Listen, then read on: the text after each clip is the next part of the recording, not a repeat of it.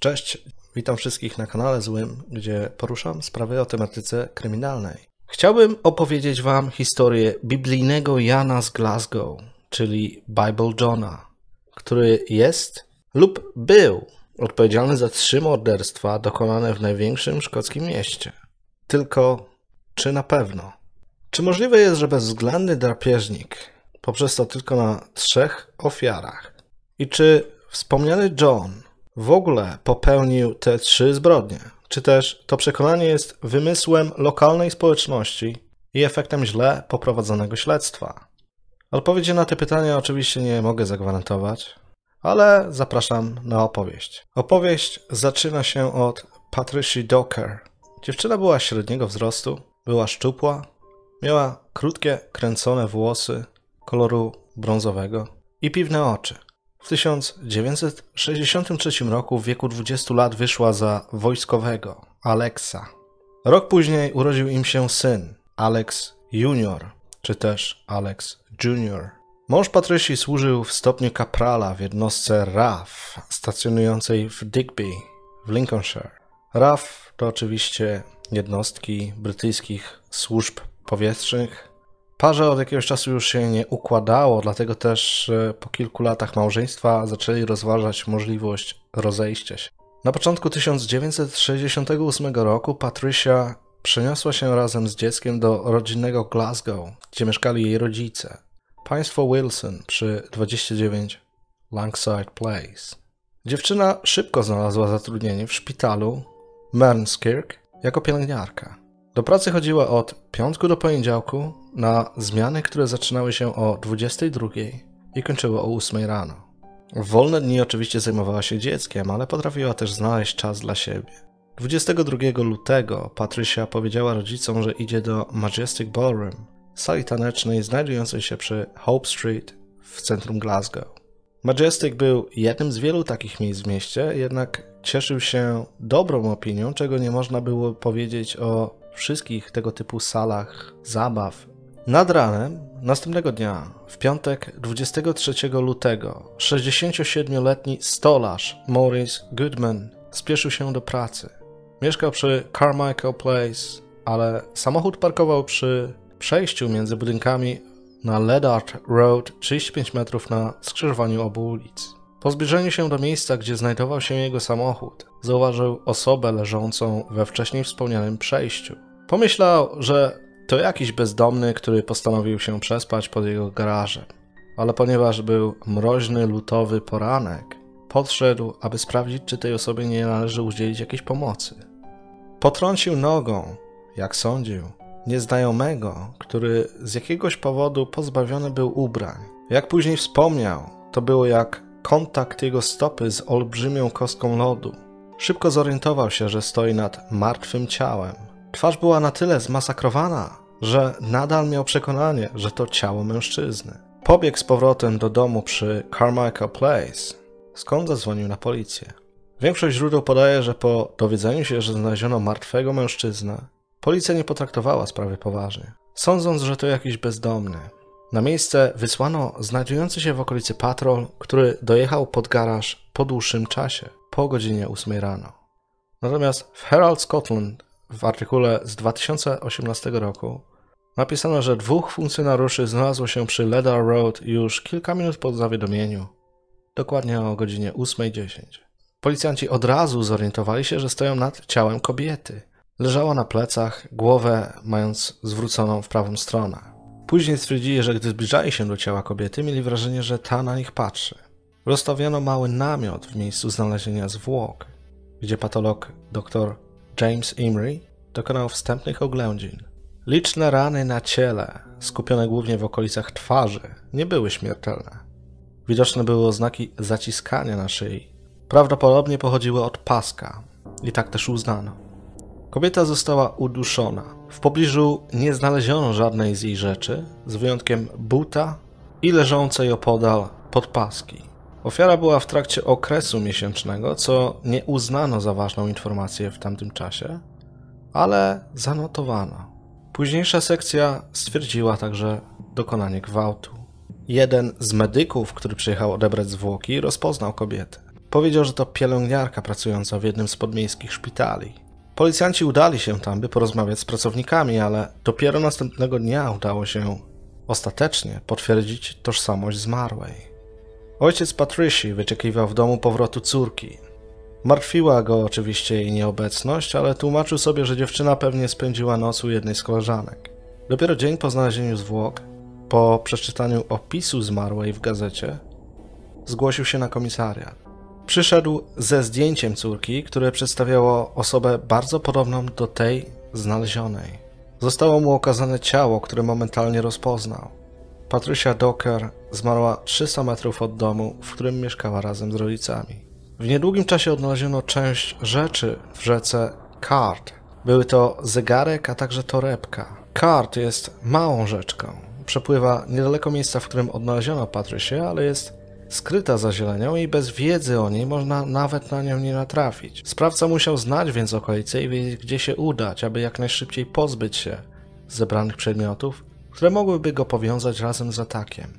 Policja przeprowadziła rozmowy z mieszkańcami w okolicy, w której znaleziono dziewczynę. Jedna z mieszkanek przyznała, że słyszała nawet niewyraźne wołanie, coś co brzmiało jak Zostaw mnie. W sąsiedztwie lokalny dziennikarz wyprawiał w noc śmierci Patrysi domową imprezę, na którą zaprosił wielu gości. Ale nikt nie słyszał czy nie widział czegokolwiek podejrzanego. Rodzina ofiary poinformowała, że w wieczór swojej śmierci Patrycja udała się do Majestic Ballroom. Śledczy skierowali się oczywiście do lokalu, aby porozmawiać z obecnymi tam pracownikami, a także gośćmi. Jeden z mężczyzn przyznał, że tańczył z Patrycją, jednak jak się później okazało, nie był pewien, czy to był właśnie ten dzień, w którym zniknęła. Kilka innych osób pamiętało ją, ale też nie można było stwierdzić, czy te relacje z pewnością dotyczą 22 lutego. Zajęło kilka dni, nim policja dowiedziała się, że Patrycja w noc swojej śmierci udała się do innego klubu, The Barrowland Ballroom. Nie wiadomo, czy w ogóle zjawiła się w sali tanecznej przy Hope Street w centrum Glasgow tego wieczoru. Tak jak powiedziała swoim rodzicom. Możliwe, że początkowo bawiła się w Majestic, ale w trakcie imprezy z jakiegoś powodu postanowiła udać się do Barrowland. Trzeba pamiętać, że trwały rozhuśtane lata 60., the swinging 60s, zjawisko w kulturze i modzie, które miało miejsce w Wielkiej Brytanii w połowie i w końcu lat 60. Po II wojnie światowej kraj musiał się odbudować, przez co do końca lat 50. rząd prowadził politykę zaciskania pasa.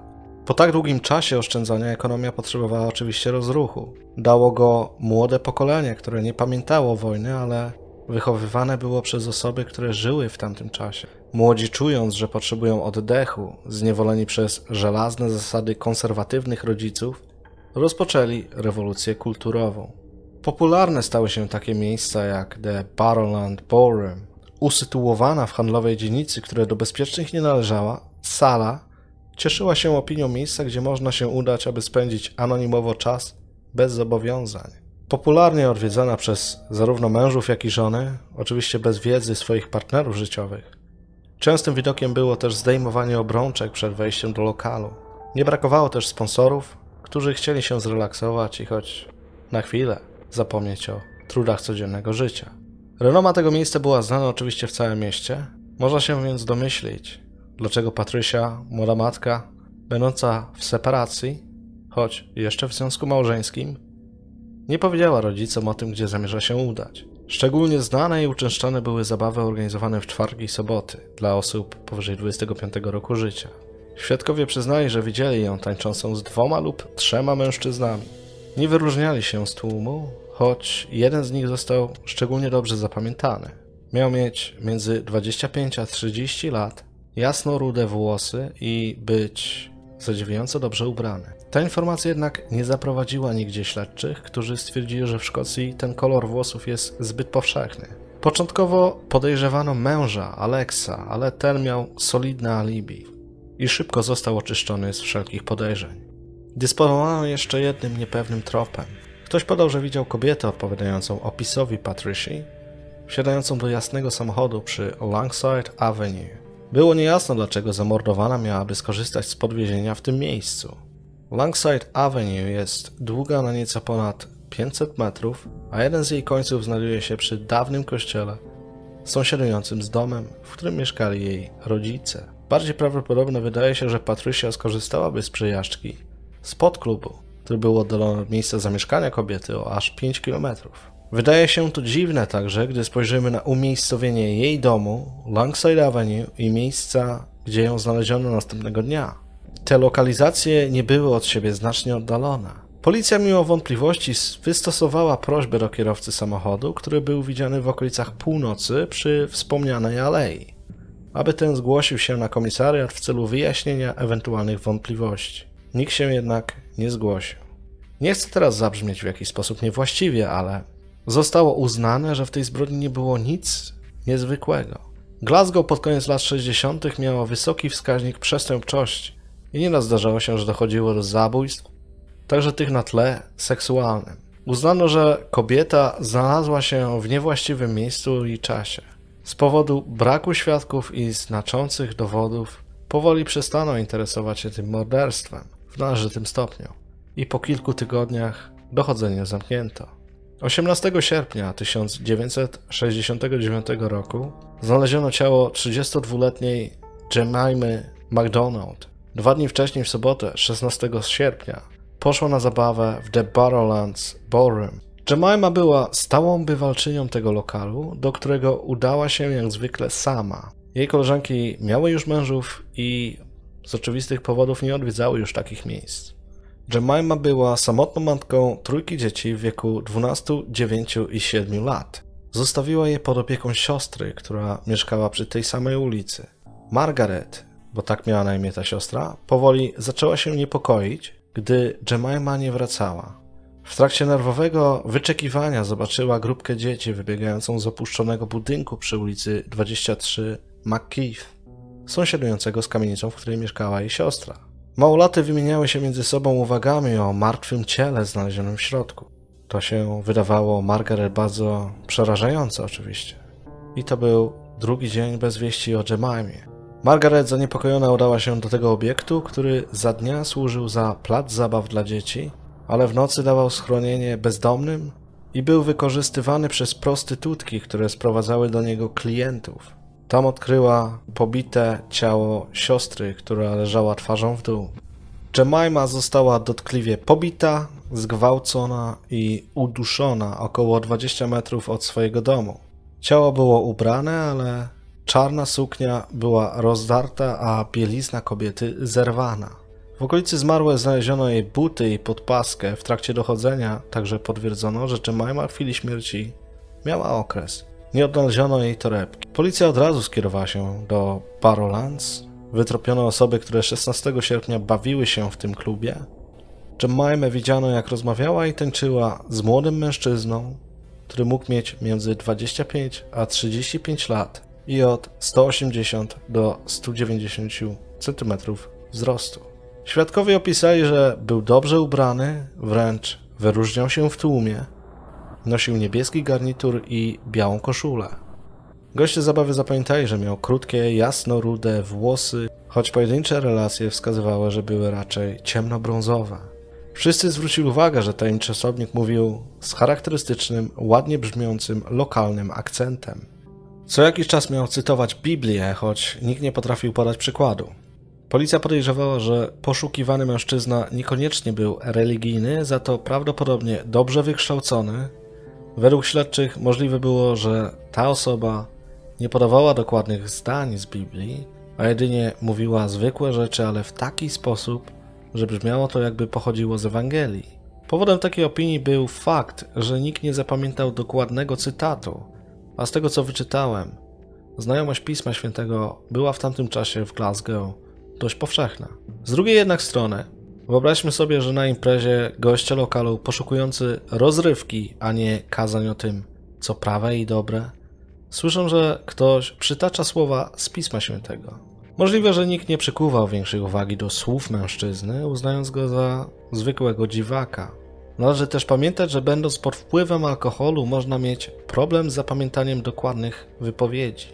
Już pierwszego dnia śledztwa policja wparowała do klubu, przerwała muzykę w trakcie zabawy, a następnie poprosiła o kontakt każdą osobę posiadającą jakąkolwiek wiedzę mogącą przybliżyć funkcjonariuszy do złapania sprawcy.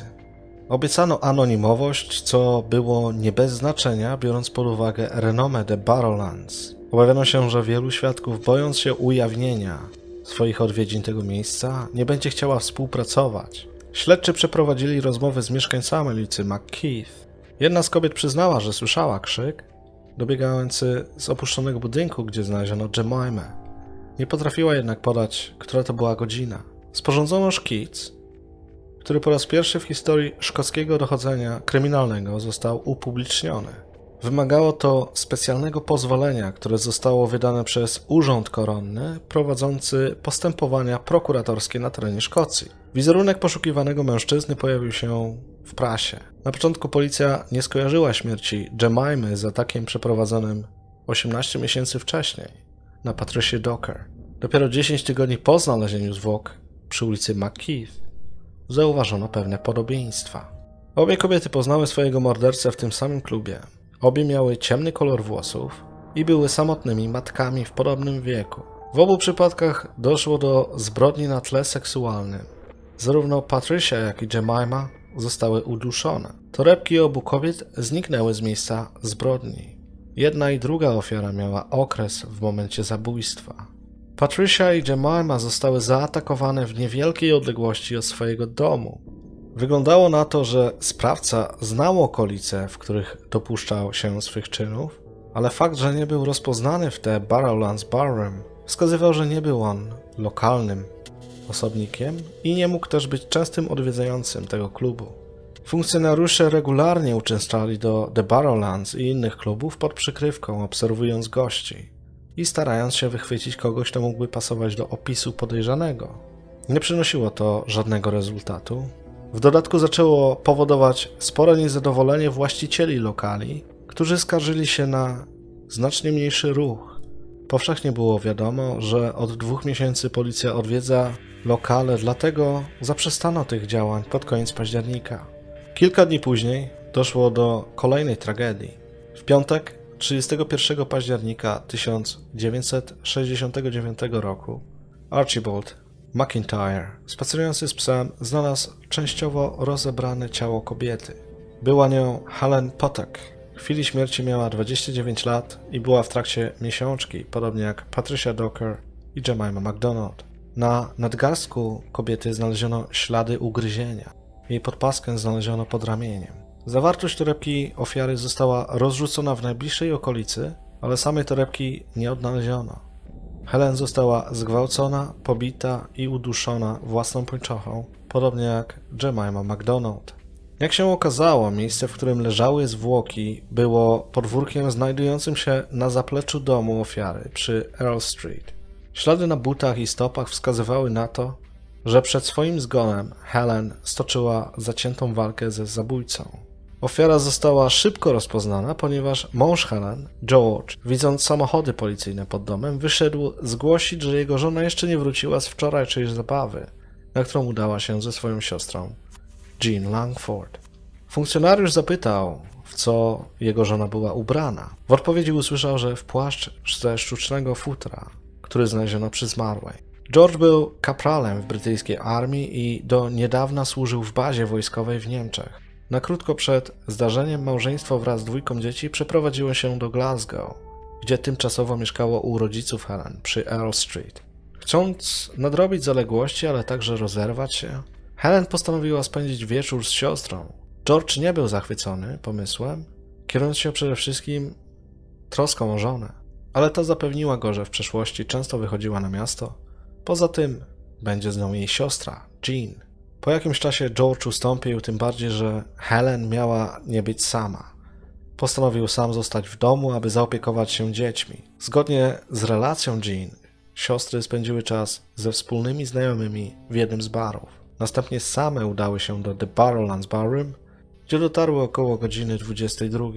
Był czwartek, organizowano zabawę dla osób powyżej 25 lat, połączoną z imprezą z okazji Halloween. O reputacji lokalu już wspominałem, ale dla Helen i Jean, które także ją znały, to nie było ważne. Chodziło im tylko o to, aby się wyszaleć. Według Jean zostały tam zaczepione przez dwóch mężczyzn, którzy wyglądali tak, jakby się dobrze znali. Obaj przedstawili się w tym samym imieniem John. Wydało im się to wtedy zabawne, domyślały się, że to pewnie zmyślone imiona. Nie było to jednak nic dziwnego w The Barrowlands, dlatego nie przeszkadzało im to specjalnie. John, który zaprosił do tańca Jean, miał ciemne włosy, był oprzyżony na krótko i powiedział, że ma 30 lat. Podobno był pracownikiem fizycznym i uczył się wieczorowo. W rozmowie z kobietą zdradził, że mieszka w Castlemilk pod Glasgow razem z bratem i ojcem. Drugi mężczyzna, także John, był szczupły, miał 180 cm wzrostu, jasno rude włosy, był elegancko ubrany i mówił z silnym miejscowym akcentem. Jean zwróciła też uwagę na jego dłonie, które były bardzo zadbane. Paznokcie sprawiały wrażenie, jakby były pielęgnowane, co było nietypowe w miejscu uczęszczonym głównie przez przedstawicieli klasy robotniczej. Kobiety spędziły resztę wieczoru, czyli nieco ponad godzinę, w towarzystwie spotkanych mężczyzn. Przed wyjściem z budynku krótko po północy Helen wrzuciła drobne do maszyny z wyrobami tytoniowymi, która nie wydała ani pieniędzy, ani pożądanego przez nią produktu. Rudowłosy John zaoferował jej wtedy paczkę własnych papierosów marki Empathy, co zostało zapamiętane przez Jean. Mężczyzna nawet skierował się do kierownika klubu, zwracając uwagę na pieniądze, które utkwiły w maszynie. Nie były to jakieś duże pieniądze, tyle ile trzeba było na paczkę papierosów. Wtedy to było 10 pensów. Nie ustępował on jednak i zaczął robić dość sporo hałasu. Według opinii świadków, zamiast przy pomocy ochroniarzy stojących przy wejściu wyprosić robiącego zamieszanie o niewielką sumę osobnika, co było w zwyczaju obsługi tego lokalu. Menadżer obiektu przeprosił, a także obiecał wypłacić zagubione pieniądze po otwarciu automatu. Postąpił tak prawdopodobnie przez wyróżniający się schludny wygląd Johna. Poprosił też, aby Helen przyszła następnego dnia po te drobne. Po opuszczeniu lokalu, John, który tańczył z Jean, udał się w kierunku przystanku autobusowego. Drugi mężczyzna wsiadł z kobietami do taksówki. W pojeździe towarzystwo prowadziło luźną rozmowę, Jean zwróciła uwagę na więcej szczegółów w wyglądzie nieznajomego. Miał jasno-niebieskie lub szare oczy i wyraźnie zadbane zęby, ale jeden z górnych siekaczy nachodził na drugi. Na nadgarstku znajdował się zegarek na szerokim, skórzanym pasku. Jean domyślała się po sposobie wypowiedzi mężczyzny, że ten miał lub ma coś wspólnego z policją lub wojskiem. John w pewnym momencie zaczął o sobie opowiadać. Przedstawił się jako John Templeton, John Simpleson czy John Emerson. Zarówno Jean, jak i taksówkarz nie do końca zapamiętali dokładnie nazwisko lub nie zrozumieli, co mogło wynikać z charakterystycznego akcentu, jakim ten człowiek się posługiwał. Miał on dorastać z siostrą w konserwatywnej, religijnej rodzinie. Według Johna jego rodzice byli abstynentami i nie tolerowali jakichkolwiek używek. Chcieli też, by ten był taki jak oni, ale Według niego nie udało im się to zbytnio. Dalej opowiadał, że jego ojciec nazywał kluby taneczne legowiskiem nieprawości, a kobiety tam uczęszczające cudzołożnicami. Przyznał jednak, że z wychowania zostało mu to, że w Hogmanay, czyli w sylwestrową noc, nie wita hucznie Nowego Roku, a modli się. W trakcie rozmowy przytoczył też kilka fragmentów Pisma Świętego potwierdzając swoje wypowiedzi na rozmaite tematy. Przyznał też, że mieszka w rejonie Castlemilk pod Glasgow, w mieszkaniu, które dzieli z jedną krewną osobą. Na co dzień miał pracować w nieokreślonym laboratorium czy też zakładzie prowadzącym badania. Wpierw taksówka podjechała pod dom Jean Langford. Kobieta później wytłumaczyła, że nie bała się zostawić siostry w towarzystwie nowo poznanego mężczyzny, ponieważ ten sprawiał dobre wrażenie. Poza tym był jeszcze prowadzący samochód, który mógł udzielić jej pomocy, gdyby ta tego potrzebowała. Co ciekawe, zarówno Jean jak i Helen wiedziały o śmierci Patricia jak i Jemimy. Tak jak wspomniałem, wcześniej prasa nagłośniła te dwa zdarzenia. Jean jednak nie wierzyła, aby coś złego mogło przytrafić się właśnie im. Glasgow jest i wtedy było też dużym miastem. Ludzie często chodzili do klubów i wracali z nich cali i zdrowi. Nie poczuła się nawet przez chwilę zagrożona, siedząc w samochodzie z osobą odpowiadającą opisowi zabójcy dwóch kobiet. Tak jak powiedziałem, sprawiał dobre wrażenie. Dalszy przebieg wydarzeń znamy głównie z opowieści kierowcy taksówki, a właściwie tylko z tej relacji. Według niego nie znał on za dobrze okolicy, gdzie mieszkała kobieta i zgubił się odwożąc Helen. Ta zniecierpliwiona kazała mu się zatrzymać i około godziny pierwszej rano wyszła z samochodu aby samodzielnie dojść do domu, który miał znajdować się niedaleko. Za przejazd zapłacił John, który krótko po tym jak Helen przeszła na drugą stronę ulicy, podążył za nią. Kierowca taksówki uznał, że to para zakochanych. Podejrzewał, że mężczyzna pobiegł za Helen, aby poprowadzić ją do domu. Nie zauważył nic dziwnego w zachowaniu Johna, dlatego od razu odjechał w swoją stronę. Krótko po znalezieniu ciała, pewien kierowca autobusu skontaktował się z policją i przekazał, że tego dnia, gdy zmarła Helen Patek o godzinie 1.30, wpuszczał on pasażera w okolicach promu przepływającego przez rzekę Clyde na ulicy Dunbarton, który wyglądał bardzo podobnie do opisu podejrzanego. Miał elegancki, ale nieco ubrudzony garnitur i wyraźne, widoczne zadrapania w okolicach twarzy. Policja porozmawiała z innymi świadkami. Jeden z tancerzy, który był tego wieczora w The Barrowlands Ballroom, przyznał, że rozmawiał z Johnem, nim ten jeszcze zaczepił Helen i Jean. Wyraźnie pamiętał, że nie było wtedy w jego towarzystwie drugiego Johna. Opisał go podobnie. Wysoki, szczupły, rudy. Podobno John miał mu powiedzieć, że lubi grać w golfa, ale nie jest w tym najlepszy. Za to jego kuzyn miał mieć talent. I to do tego stopnia, że udało mu się nawet zaliczyć dołek jednym uderzeniem, co jest nie lada wyzwaniem. Śledczy sprawdzili ten trop, udając się do blisko 400 pól golfowych znajdujących się w Szkocji. Nie udało im się jednak znaleźć czy też natrafić na kogokolwiek, kto byłby znany z takiego wyczynu. Korzystając z faktu, że Jean siedziała w tym samym pojeździe z podejrzanym i dobrze go zapamiętała, poproszono Lennox Patterson, lokalną artystkę, która odpowiadała za wcześniejszy szkic poszukiwanego, o wykonanie kolejnego. Ciekawostką jest fakt, że jedna z osób, która widziała tego wieczoru Johna, zauważyła psa, którego sierść miała podobno dokładnie taki sam kolor jak włosy mężczyzny. Czworonóg był regularnie widziany na tej samej ulicy o podobnej porze.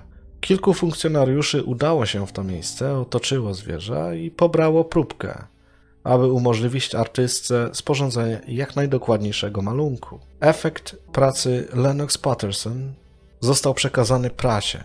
Na witrynach sklepów i przystankach umieszczono go, mając nadzieję, że ktoś rozpozna podejrzanego. Co warto pamiętać, nie od razu zebrano informacje na temat wyglądu podejrzanego od Jean Langford. Zrobiono to po prawie dwóch miesiącach od zdarzenia. W tym czasie mężczyzna mógł wyjechać, przez co nikt go później prawdopodobnie nie rozpoznał. W tym miejscu pozwolę sobie przypomnieć wszystko, co wiemy o Johnie, ponieważ trochę tego jest. O Johnie, który od tego momentu miał być znany jako The Bible John. Bible John, szczupły, wysoki na 180 do 190 cm, Miał mieć jasno-rude włosy, jasne niebieskie lub szare oczy, między 25 a 35 lat. Podobno miał zadbane dłonie i paznokcie. Był krótko i starannie obcięty. Dwa przednie zęby w górnej szczęce nachodziły na siebie. Ogólnie rzecz biorąc, stan jego uzębienia był jak najbardziej zadbany. Podobno był nieżonaty, mieszkał tylko z jedną osobą, która, jak deklarował, była jego krewnym lub krewną. Miejsce zamieszkania to okolice Castlemilk pod Glasgow, tak jak deklarował. Miał być zatrudniony w jakimś zakładzie wykonującym badania. Zawsze wyglądał schludnie. Według relacji świadków był aż za dobrze ubrany w stosunku do otoczenia i miejsca. Nosił jasne garnitury i białe koszule. Na ręce znajdował się zegarek na szerokim, skórzanym pasku. Możliwe, że miał związek z wojskiem lub policją. Przedstawiał się jako John Templeton, John Simpleson czy John Emerson.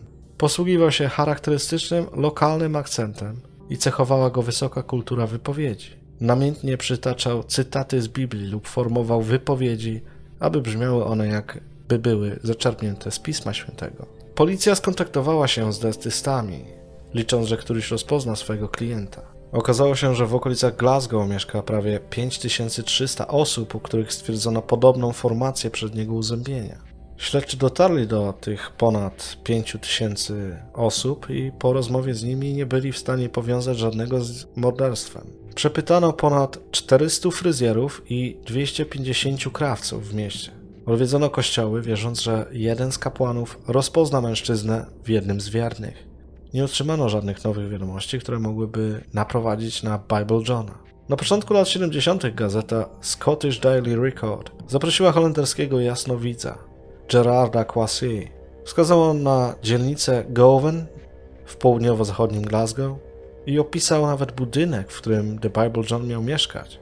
Biorąc pod uwagę jednak, że wiele domów zarówno w Anglii, jak i Szkocji wygląda podobnie, nie wniosło to zbyt wiele do sprawy.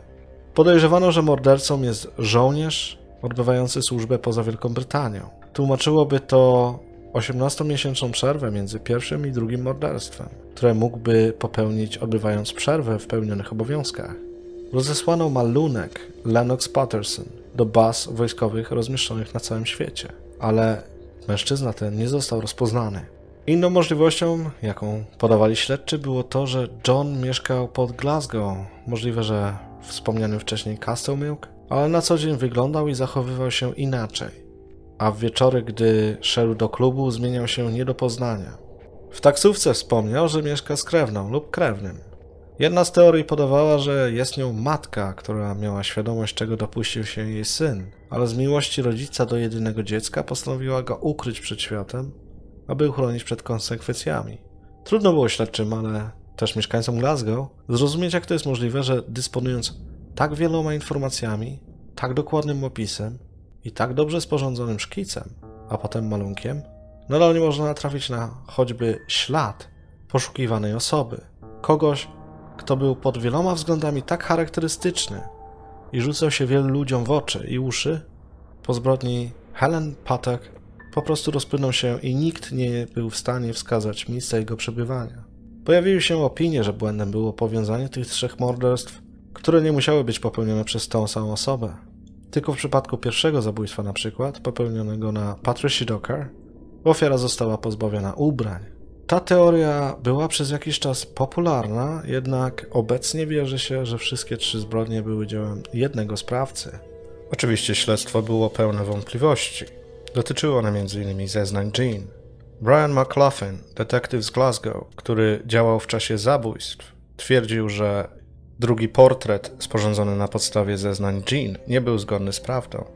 Według McLaughlina upłynęło zbyt wiele czasu, dokładnie dwa miesiące od śmierci Helen, gdy zebrano informacje od Jean na temat wyglądu mężczyzny. Tak długi okres miał wpłynąć na pamięć, tym bardziej, że zgodnie z innymi zeznaniami pochodzącymi od menadżera The Barrowlands i ochrony z tego klubu, Jean była bardzo pijana. Kobieta zaprzeczyła temu, przyznała też, że wypiła kilka drinków, ale według niej nie była aż tak złym stanie, jak podawali pracownicy obiektu. Ci sami, którzy wykłócali się z Johnem o 10 pensów, które utknęło w maszynie z wyrobami tytoniowymi. Brian McLaughlin twierdził, że drugi portret nie powstał na podstawie doświadczenia z przejażdżki taksówką, gdyż Jean była zbyt pijana, natomiast czerpał on z wyobrażenia sprawcy w głowie kobiety powstałego dzięki wcześniejszym opisom Bible Johna. Pracownicy The Barrowlands podali, że podejrzany miał zdecydowane ciemne, wręcz krucze czarne włosy. Możliwe jednak, że pomylili go z towarzyszem Jean, który po wyjściu z klubu udał się na przystanek autobusowy. Obaj mężczyźni podawali, że mają na imię John, Należy pamiętać, że większość świadków zapamiętała, że podejrzany miał rude włosy. W obronie zeznań Jean stanął główny śledczy omawianej sprawie w latach 1969-1970, Joe Beatty. Było wielu podejrzanych, większość została anonimowa i dobrze, bo jak wiadomo społeczeństwo potrafi osądzić bez sądu czy udowodnienia winy. Kilku z nich jednak zostało upublicznionych. Wśród nich drobny przestępca, który jak się okazało miał blisko 80% zgodności swojego DNA z próbką znalezioną przez Woka Helen. Podejrzewano, że może być krewnym sprawcy, ale nie pojawiły się informacje o dalszych badaniach osób z jego otoczenia. Innym ciekawym tropem był włóczęga aresztowany krótko po śmierci Helen spod The Barrowlands Ballroom za podejrzane zachowanie. John Edgar. Udało mu się uciec podczas pobytu w placówce medycznej, jednak trafiono na jego trop i ponownie zatrzymano. Nie udowodniono mu niczego poważniejszego, nie wiadomo też było, dlaczego uciekał, jednak w 2005 roku ostatecznie został skreślony z listy podejrzanych o bycie Bible Johnem po tym, jak dobrowolnie poddał się testom DNA. W 1996 roku ekshumowano ciało Johna McInnesa, który popełnił samobójstwo w wieku 41 lat w 1980 roku. McInnes był bliskim krewnym jednego z pierwszych podejrzanych w sprawie zabójstw Bible Johna. Badania DNA nie przyniosły oczekiwanego rezultatu, za powód uznano daleko posunięty rozkład ciała mężczyzny. Postanowiono porównać uzębienie McInnesa ze śladami zębów na ciele Helen Potok. Szybko okazało się jednak, że jest to niemożliwe, ponieważ nie zabezpieczono wyraźnych zdjęć, które mogłyby pomóc w tego typu porównaniach. O tym śladzie na ciele wiadomo było, że faktycznie mogło pochodzić od kogoś z nachodzącymi się zębami, ale ta opinia bez potwierdzenia w postaci zapisków z badań czy zdjęć nie miała znaczenia. Teraz skupię się na dwóch najpopularniejszych podejrzanych. Pierwszym z nich jest Peter Tobin. Na jego temat opowiem więcej w następnym odcinku, ale teraz skupię się na podobieństwach i tym, co może świadczyć przeciw jego udziałowi w omówionych wcześniej zabójstwach. Następnie podam, czemu dowody przeciw mogą się mylić. Na Petera trafiono po śmierci dziewczyny z Polski, Angeliki Kluk. Uznano, że niemożliwe jest, aby tak okrutne zabójstwo na tle seksualnym było pierwszym takim czynem 60-letniego wtedy mężczyzny, który był w przeszłości sądzony za mniejsze przestępstwa seksualne. Rozpoczęto operację o nazwie Anagram, która przyjrzała się życiu Petera. Udowodniono mu kolejne ofiary, choć mężczyzna przyznał się do prawie 50 zabójstw. Zapytany, czemu nie zdradził, gdzie są pochowane osoby, które rzekomo zabił, stwierdził, że ma w poważaniu rodzinę ofiar i to nie jego problem, aby mu udowodnić te zbrodnie. Przy czym on nie użył słowa w poważaniu. Peter w odniesieniu do Bible Johna. Wszystkie trzy ofiary były w trakcie miesiączki. Zgodnie z relacjami żon Petera Tobina, który pod koniec lat 60. mieszkał w Glasgow, nakręcał się on jeszcze bardziej na seks z kobietami mającymi okres. Regularnie uczęszczał on do The Barrowlands Barroom, gdzie poznał jedną ze swoich żon, Margaret. Według niej wyglądał bardzo elegancko i tym wyróżniał się w tłumie. Zgodnie z relacjami większości świadków, Bible John miał nachodzące się zęby, a Peter Tobin miał brak zęba w przedniej górnej szczęce, który usunięto w 1969 roku. Wydaje się to wykluczać go, ale niekoniecznie. Faktem jest, że Peter często podróżował, a jedną z ofiar, któremu udowodniono, przewiózł kilkaset kilometrów, więc długa przerwa między pierwszym a drugim zabójstwem mogła zostać wypełniona gdzie indziej. Peter posługiwał się ponad 40 pseudonimami. Jednym z nich był John Semple, co bardzo przypomina to, które Bible John podał w taksówce. Oczywiście nie bez znaczenia jest też podobieństwo Petera ze starych zdjęć z rysunkami przedstawiającymi Bible Johna. Tobin opuścił Glasgow w 1969 roku, krótko po zabójstwie Helen Potter. Wśród informacji, które przeczą temu, aby Peter Tobin był Bible Johnem, można znaleźć tą o brakującym zębie. Powszechnie uważa się, że Bible John miał nachodzące się zęby,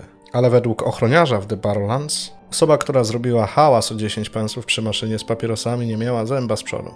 Jeśli jednak wierzyć większości świadków, ale trzeba pamiętać, że większość świadków była pod wpływem alkoholu, gdy rozmawiała z Bible Johnem, Peter nie mógł być Bible Johnem, gdyż nie miał on zęba, który powinien był nachodzić na inny. Wyklucza się też udział Petera w tych zabójstwach z powodu wieku i jego wzrostu. W latach 1968-1969 miał 22 i 23 lat. Jednak w garniturze mógł wyglądać poważniej, przez co możliwe, że świadkowie zapamiętali go jako blisko 30-letniego faceta. Na pewno ładny sposób wypowiadania się pomógł uznać go za starszego, dojrzalszego niż faktycznie był. Według różnych relacji Bible John miał mieć między 180 a 190 cm wzrostu. Peter ma 177 cm wzrostu, czyli minimalnie poniżej dolnej granicy podawanej przez świadków. Dlaczego ich informacje mogą być nieprawdziwe? Cóż, nie chcę się powtarzać, ale wielu z nich było pijanych. Widzieli Bible Johna głównie w ciemnych pomieszczeniach, co potrafi zakłamać obraz. Wiadomo też, że ludzie na atrakcyjne osoby patrzą bardziej przychylnie, biorąc pod uwagę ubiór, jak i zachowanie Bible Johna, mogą się wydawać bardziej interesującą osobą, przez co automatycznie dodawano mu kilku centymetrów. Osąd świadków mógł być też nieprawdziwy.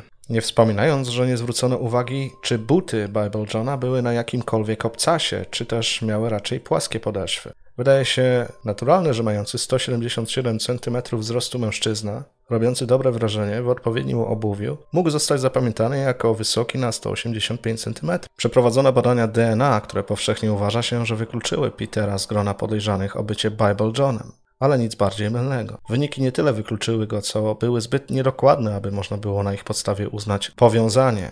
Wynikało to przede wszystkim z bardzo złego stanu zachowanej próbki nasienia, ponieważ była źle przechowywana przez kilkadziesiąt lat. Badania DNA pojawiły się kilkanaście lat po zbrodniach Bible Johna, dlatego wtedy też nikt się tym tak za bardzo nie przejmował. Ostatnim poważnym powodem wykluczenia Petera z udziału w wymienionych wcześniej zdarzeniach jest opinia Jean Langford, siostry ostatniej ofiary Helen Potek. Po zatrzymaniu Tobina w 2006 roku, w związku ze śmiercią Polki Angeliki Kluk, okazano Jean zdjęcia Petera, zarówno aktualne, jak i z lat młodości. Zaprzeczyła ona, aby siedziała z tym człowiekiem w taksówce w dniu śmierci siostry. Wielu podniosło jednak, że kobieta, będąc już w podeszłym wieku, mogła nie pamiętać dokładnie, jak ten człowiek wyglądał. Najzwyczajniej w świecie czas mógł zrobić swoje.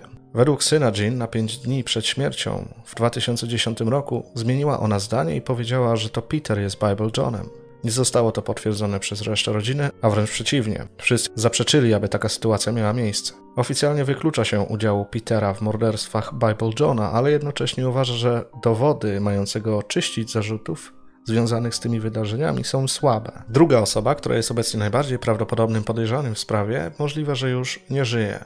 W 2013 roku Paul Harrison wydał książkę Dancing with the Devil, w której twierdził, że wie, kim jest Bible John. Według niego Bible John był policjantem, który w 2013 roku jeszcze żył i pobierał świadczenia emerytalne, ale z oczywistych powodów nie mógł podać jego danych osobowych. Jednak dysponujemy informacjami, które mogą potwierdzić tę opinię. Paul był policjantem, który jako jeden z pierwszych funkcjonariuszy Wielkiej Brytanii brał udział w szkoleniu z grupą FBI Quantico, zajmującą się m.in. profilowaniem. Rozmawiał on z kilkoma osobami, w tym z prowadzącym śledztwo Bible Johna Joe Beattim. W trakcie incydentu przy maszynie z papierosami osoba wzywająca menadżera miała okazać legitymację służbową. Potwierdzili to zarówno kierownik zmiany, jak i bramkarze w klubie.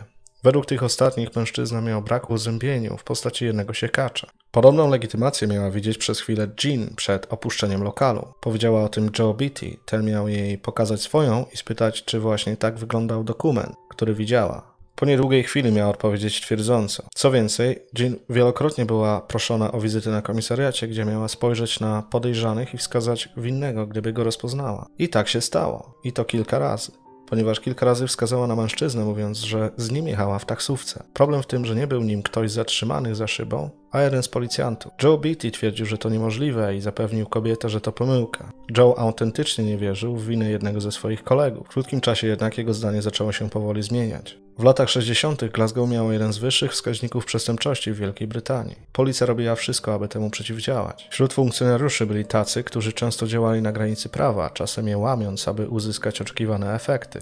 Joe Beatty stwierdził, że rozpoznanie mężczyzny w komisariacie przez Jean nie było przypadkowe. Mógł nim być jeden z policjantów, który działał z najgorszymi elementami miasta. Historia dwójki mężczyzn, którzy mieli się znać i mieć na imię John, także wydała mu się podejrzana. Oczywiste, że partner taneczny Jean się nie ujawnił, skoro mógł być policjantem działającym w ukryciu. To, że policja oficjalnie się wycofała z akcji wysyłania policjantów pod przykrywką, nie znaczy, że pojedynczych patroli tam nie posyłała. Policjantowi łatwiej było także unikać schwytania, gdy ten wiedział, kiedy nie opłaca mu się ryzykować. Atak na Helen miał miejsce kilka dni po wycofaniu przebranych patroli z klubu w Glasgow. Joe Beatty próbował przekonać przełożonych o tym pomyśle, ale od razu zasugerowano mu, że nie idzie we właściwym kierunku. Można przypuszczać, że ujawnienie zbrodni dokonanej przez stróża prawa w cierpiącym na nadmiar przestępczości Glasgow to była jedna z tych rzeczy, których chciano uniknąć za wszelką cenę. Po dwóch latach prowadzenia śledztwa w 1970 roku Joe Beatty został odsunięty od sprawy. Nie sprawiło to, że przestał się interesować, przez co został wkrótce wysłany na wcześniejszą emeryturę. W oficjalnym oświadczeniu szkocka policja stwierdziła, że według oficjalnych informacji, jakimi dysponuje, nigdy nie sugerowano nawet, aby Bible John mógł być policjantem. Do dziś nie rozwiązano tej sprawy. Czy odpowiedziałem na pytanie ze wstępu? Tego nie wiem. Odpowiedzi na pytania jak zawsze zostawiam Wam. Ja dziękuję Wam za wysłuchanie tego odcinka. Pozdrawiam. Hej.